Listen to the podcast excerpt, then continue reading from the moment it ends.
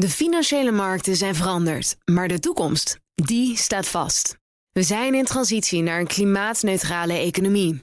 Dit biedt een van de grootste investeringskansen van onze generatie. Een kans voor u om mee te groeien met de pioniers van morgen. Meer weten? Ga naar carbonequity.com. Carbon Equity. Do good by investing better. Een goedemorgen van het FD. Ik ben Anouk Turkenburg en het is maandag 20 februari.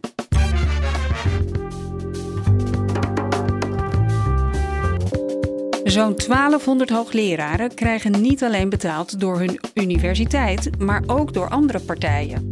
En dat heeft uiteraard een reden. Van het is een manier voor ons om te beïnvloeden waar het onderwijs en het onderzoek over gaat. En dan kunnen we ook zeker stellen dat dat eh, in het belang is van ons bedrijf en de industrie. Energiebedrijven willen niet meer investeren in warmtenetten. Ja, die energiebedrijven die zeggen gewoon, hiervoor gaan we het gewoon niet doen. Dit kan gewoon niet uit voor ons. En advocaten die Russen verdedigen in de rechtszaal worden bedreigd. Boze e-mails, maar er zijn ook wel ernstige signalen. Dit is de dagkoers van het FD.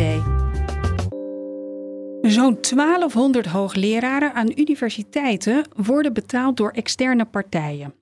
Maar daarmee groeit ook de zorg over de onafhankelijkheid van het onderzoek dat zij doen. Onderwijsredacteur Ardy Vleugels deed samen met collega Jasper Been lange tijd onderzoek naar de financiering van hoogleraren. Nou, ik zat terug te kijken bij ons in de e-mails wanneer we ermee zijn begonnen. En dat was eigenlijk bijna een jaar geleden, zo rond eind februari, begin maart hadden we het idee, laten we eens gaan kijken hoe dat nou precies zit. En dat mhm. was naar aanleiding van een aantal incidenten die in de media waren geweest hierover. En wij dachten van ja, maar hoe zit het nou met het hele systeem? En daar zijn we toen uh, begonnen om een antwoord te proberen daarop te vinden. En toen kwamen we er eigenlijk ook al vrij snel achter dat dat totaalbeeld niet bestond. Er waren landelijke bestanden, maar die bleken niet helemaal te kloppen. Mm dus uiteindelijk bleef er niets anders over dan het uitvragen. Ja. Uh, maar ook daar liepen we tegen allerlei problemen aan. Want wij dachten, een bijzonder hoogleraar is extern gefinancierd. Hè? Dat is wat je aanneemt. Um, maar er bleken allerlei namen en constructies te zijn... waarbij hoogleraren een externe financier hadden. Dus we moesten ineens onze vragen een stuk breder stellen naar die universiteiten. Van, kunnen jullie ons dan het beeld geven op al die externe financiers? Hè? Dus ofwel in salaris ofwel gesponsorde tijd. Nou ja, en toen bleek dat die universiteiten dat zelf eigenlijk ook niet goed wisten. Um, en nou ja, dat proces heeft dus om die reden een klein jaar geduurd. Dus het, het, was voor jullie ook echt monnikenwerk om dit allemaal te, te vergaren, begrijp ik. Ja, het was echt monnikenwerk. Want we hebben eerst al die gegevens van de universiteiten moeten krijgen. Toen zijn we, voor zover dat mogelijk was, al die gegevens zelf gaan controleren. En toen hebben we ook nog samen met Company Info een databestand opgezet waarbij we al die financiers gekoppeld hebben aan bedrijfsinformatie. Collega Bas Kroon is daar heel druk mee geweest. Uh, en daardoor konden we ook echt identificeren wie zijn die financiers en wie zitten daarachter. Wat kwam er uit, uh, uit dit grote onderzoek dan? Dat er ongeveer 1200 uh, ehm, leerstoelen zijn die een vorm van externe financiering hebben. Uh, en als je al die financiers bij elkaar optelt, dan kom je ook op iets van 1300 of zo. Maar wat we gedaan hebben, is daar de dubbelingen uitgehaald. Want sommige partijen financieren meer stoelen. En als je dat doet, dan hou je uiteindelijk een getal van ongeveer 700 organisaties, stichtingen, bedrijven, verenigingen over die meebetalen aan een leerstoel. Om welke partijen gaat het allemaal? De allergrootste zijn logischerwijs ook de, de, wetenschapsinstituten die we in Nederland hebben, de KNW en de NWO. Maar we hebben natuurlijk ook gekeken als FD naar de bedrijven. Dus hè, welke bedrijven hebben nou veel leerstoelen? Nou, en met stip op één komt dan Philips naar voren. En op twee in die lijst staat Shell. En om Shell is nou juist uh, de afgelopen tijd heel veel te doen geweest. Op universiteiten door het hele land waren bezettingen, sit-ins, uh, protesten. Hoogleraren lieten van zich horen, omdat ze eigenlijk allemaal zeiden: ja, moeten we nog wel in deze tijd uh, zoveel zaken doen met de fossiele industrie? En uh, willen we dat als universiteit ook nog steeds op deze manier aanmoedigen? Nou, en daardoor is een hele discussie ontstaan over die samenwerking met met name Shell en uh, bijvoorbeeld ook Datasteel. En, en, wat is een motivatie um, voor die bedrijven om dit te doen eigenlijk? Het is natuurlijk wel zo dat bedrijven met zo'n leerstoel proberen om invloed te hebben op wat er onderzocht wordt. Hè? Dus bijvoorbeeld uh, op de website van uh, NXP zeggen ze ook heel duidelijk over een van hun hoogleraren van het is een manier voor ons om te beïnvloeden waar het onderwijs en het onderzoek over gaat. En dan kunnen we ook zeker stellen dat dat uh, in het belang is van ons bedrijf en de industrie. Dus in die zin is het ook een direct belang natuurlijk. Hè? Wat er onderzo onderzocht wordt of niet onderzocht wordt, kan heel belangrijk zijn voor de positie van die bedrijven. En zitten er nu ook um, negatieve kanten aan dat bedrijven zich op dit terrein begeven? Ja, er zitten wel risico's aan. Kijk, in principe is er niks mis met het feit dat iemand anders zo'n leerstoel betaalt. Sterker nog, we hebben ook al die financiering nodig voor het wetenschappelijk onderzoek. Alleen die risico's, die zijn er wel. Uh, en een van die risico's is bijvoorbeeld beïnvloeding. Dus dat een financier toch probeert om invloed uit te oefenen op hetgeen uh, onderzocht wordt. En het andere uh, is dat je goed moet weten wie eigenlijk die partijen zijn die dat allemaal betalen. Omdat je dan met dat overzicht ook kunt bewaken of er niet bijvoorbeeld één belang of één partij heel veel onderzoekstijd uh, opkoopt. Want dat zou natuurlijk ook wel kwalijk zijn. Dat bijvoorbeeld alle aandacht uitgaat naar het onderzoek van een bepaalde ziekte, maar dat andere ziekten dan niet onderzocht worden bijvoorbeeld.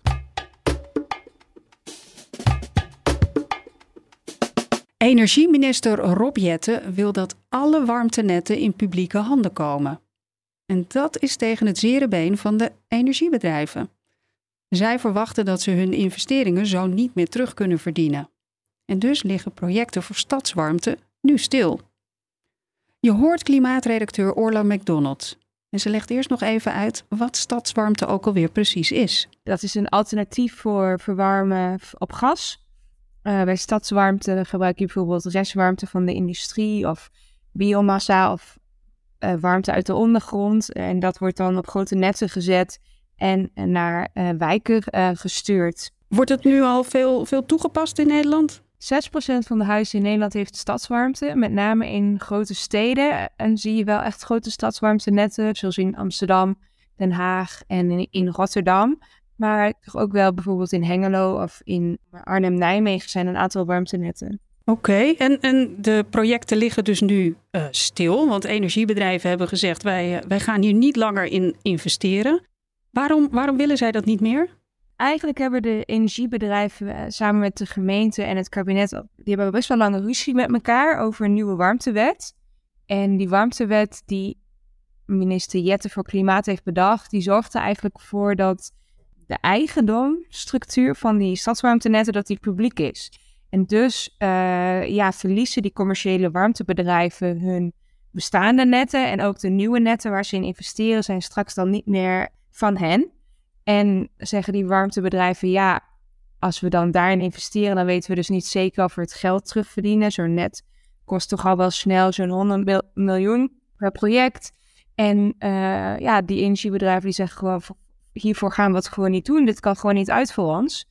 En ze zijn wel betrokken bij, nou ja, nagenoeg alle grote uh, warmteprojecten in Nederland. Zeg maar de Eneco, Vattenfall en Natuurlijk is een groot warmtebedrijf. En uh, ja, als zij zeggen we investeren niet meer, dan gaan die netten, die worden dus ook niet aangelegd. En die huizen, uh, die gaan dan dus ook niet van het aardgas. En, en levert dat nu al problemen op? Dat zij hebben gezegd van ja, wij, wij houden ermee op? Ja, eigenlijk wel. Er is een lange lijst van uh, Energie Nederland, de brancheclub voor energiebedrijven. En daar staan toch echt wel 40 grote warmteprojecten op met in totaal 500.000 aansluitingen, dus 500.000 huizen. En 375.000, uh, ja, die liggen stil of die hebben ernstige vertraging. En het is bijvoorbeeld een groot project in uh, Leeuwarden. Um, daar zouden 50.000 huizen en ook enkele grote uh, bedrijven op aangesloten worden. Bijvoorbeeld um, het ziekenhuis, het Medisch Centrum Leeuwarden. Dat ligt nu stil. Dat um, het probleem is dus dat het ziekenhuis ook zegt: ja, we gaan dan toch zoeken naar een alternatief. Want wij willen van het gas af. Nu, nu zei je ook al, hè, het um, uh, stadswarmte is een belangrijke pijler eigenlijk onder het kabinetsbeleid om ons uh, van het aardgas af te krijgen. Komt dat nu ook in gevaar? Nou, de gemeenten zeggen van niet. Die zeggen van nou, um, de energiebedrijven die, ja, die moeten eigenlijk niet zo piepen. Die moeten gewoon investeren in die warmtenetten.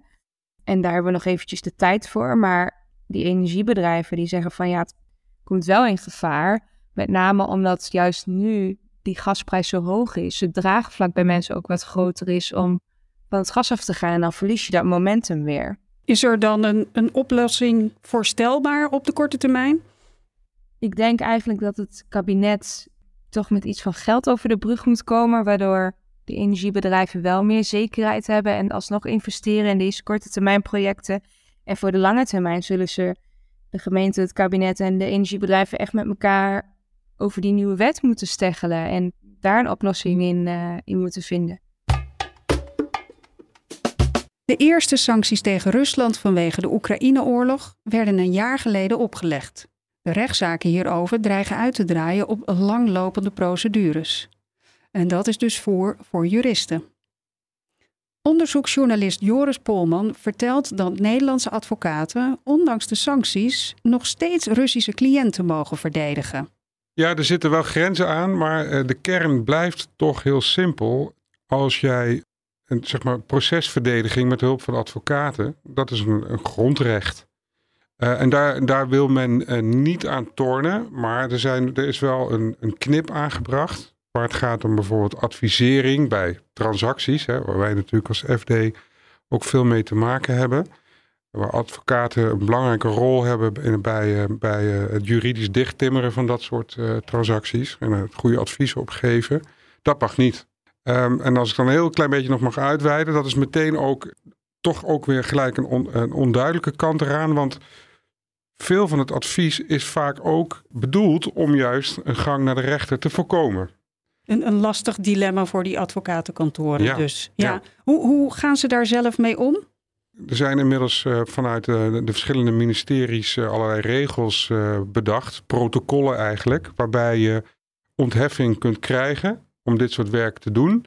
En daarvoor moet je naar het ministerie en dan krijg je bijna letterlijk een soort stempeltje. Dat gaat dan over de werkzaamheden en er is ook een ontheffing nodig voor de betalingen. En dan moet je je factuur dus indienen bij een ministerie.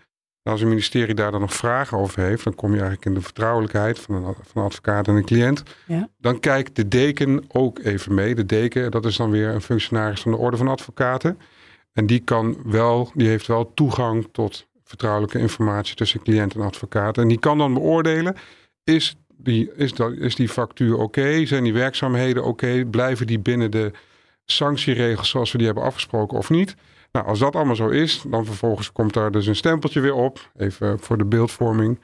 Uh, en uh, dan wordt, kan, kan die Rus uh, dat geld overmaken voor het geleverde werk. Heel veel gedoe, heel veel romslomp, maar het ja. mag dus wel. En, en, heb jij enig idee om hoeveel zaken tussen Russen en Nederlandse advocatenkantoren het, het gaat? Nou, het, moet, het, moet, het moet om, om toch wel enige tientallen gaan. Wat we, enige echt harde getal wat we hebben is het getal van de aanwijzingen. Uh, want er is namelijk een, uh, een, een, aantal Russische cliënten heeft de afgelopen tijd, sinds de invasie eigenlijk, uh, kon nergens meer terecht. Omdat advocaten om wat voor reden ook zeiden, ja nee maar in jou heb ik geen zin, dat ga ik niet doen dan kan de deken, die kan zo'n, uh, voor zo'n Russische cliënt een advocaat aanwijzen. En die advocaat kan dat niet, uh, niet weigeren. Uh, uit getallen die we hebben opgevraagd, weten we dat dat voor acht Russische cliënten sinds de invasie is gebeurd. We weten ook dat er ook heel veel advocaten zijn die nog steeds vrijwillig voor de Russen werken. Simpelweg omdat we daar contact mee hebben.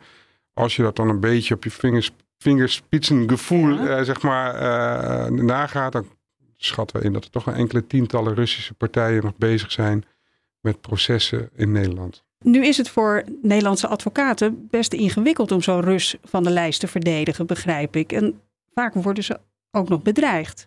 We kwamen op dat spoor omdat uh, we, bij, we hebben een specifieke rechtszaak gevolgd. En daar liet zo'n advocaat liet, uh, liet, zich dat ontvallen, dat hij daarmee te maken heeft. En toen hebben we dat bij die dekens, hè, die toezichthouders op de advocatuur, uh, hebben, we dat na, hebben we navraag gedaan en die bevestigen dat. En het gaat, ja, het hele palet komt voorbij hè, van, de, van de, de gekkies die op Twitter iets uh, lelijks roepen. Mm -hmm. Boze e-mails, maar uh, er zijn ook wel ernstige signalen. Een voorbeeld daarvan is, hebben we begrepen, dat bijvoorbeeld een advocaat is opgewacht, ook fysiek, door mensen die kennelijk niet eens waren met het feit dat hij of zij een, een Russische cliënt bij, bij staat. En dat heeft alles te maken uh, horen wij van die advocaten. Met gewoon de emoties die er nu eenmaal zijn in de samenleving met betrekking tot die oorlog in Oekraïne. Er is natuurlijk een groep mensen die, die, die gewoon ook echt vindt dat je helemaal niets meer met Rusland moet doen. Terwijl, en dat is toch wel belangrijk om hier ook nog, nog maar te benadrukken. Het gaat hier dus wel om een grondrecht. En zeker zo'n advocaat die te maken heeft met een aanwijzing van de deken, die kan eigenlijk dat niet weigeren.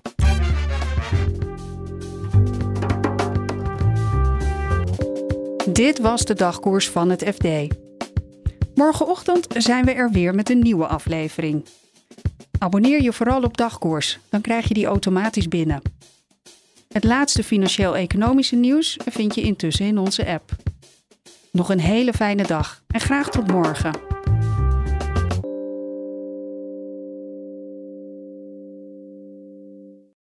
De financiële markten zijn veranderd, maar de toekomst, die staat vast. We zijn in transitie naar een klimaatneutrale economie. Dit biedt een van de grootste investeringskansen van onze generatie. Een kans voor u om mee te groeien met de klimaatoplossingen van morgen. Meer weten? Ga naar carbonequity.com. Carbon Equity. Do good by investing better.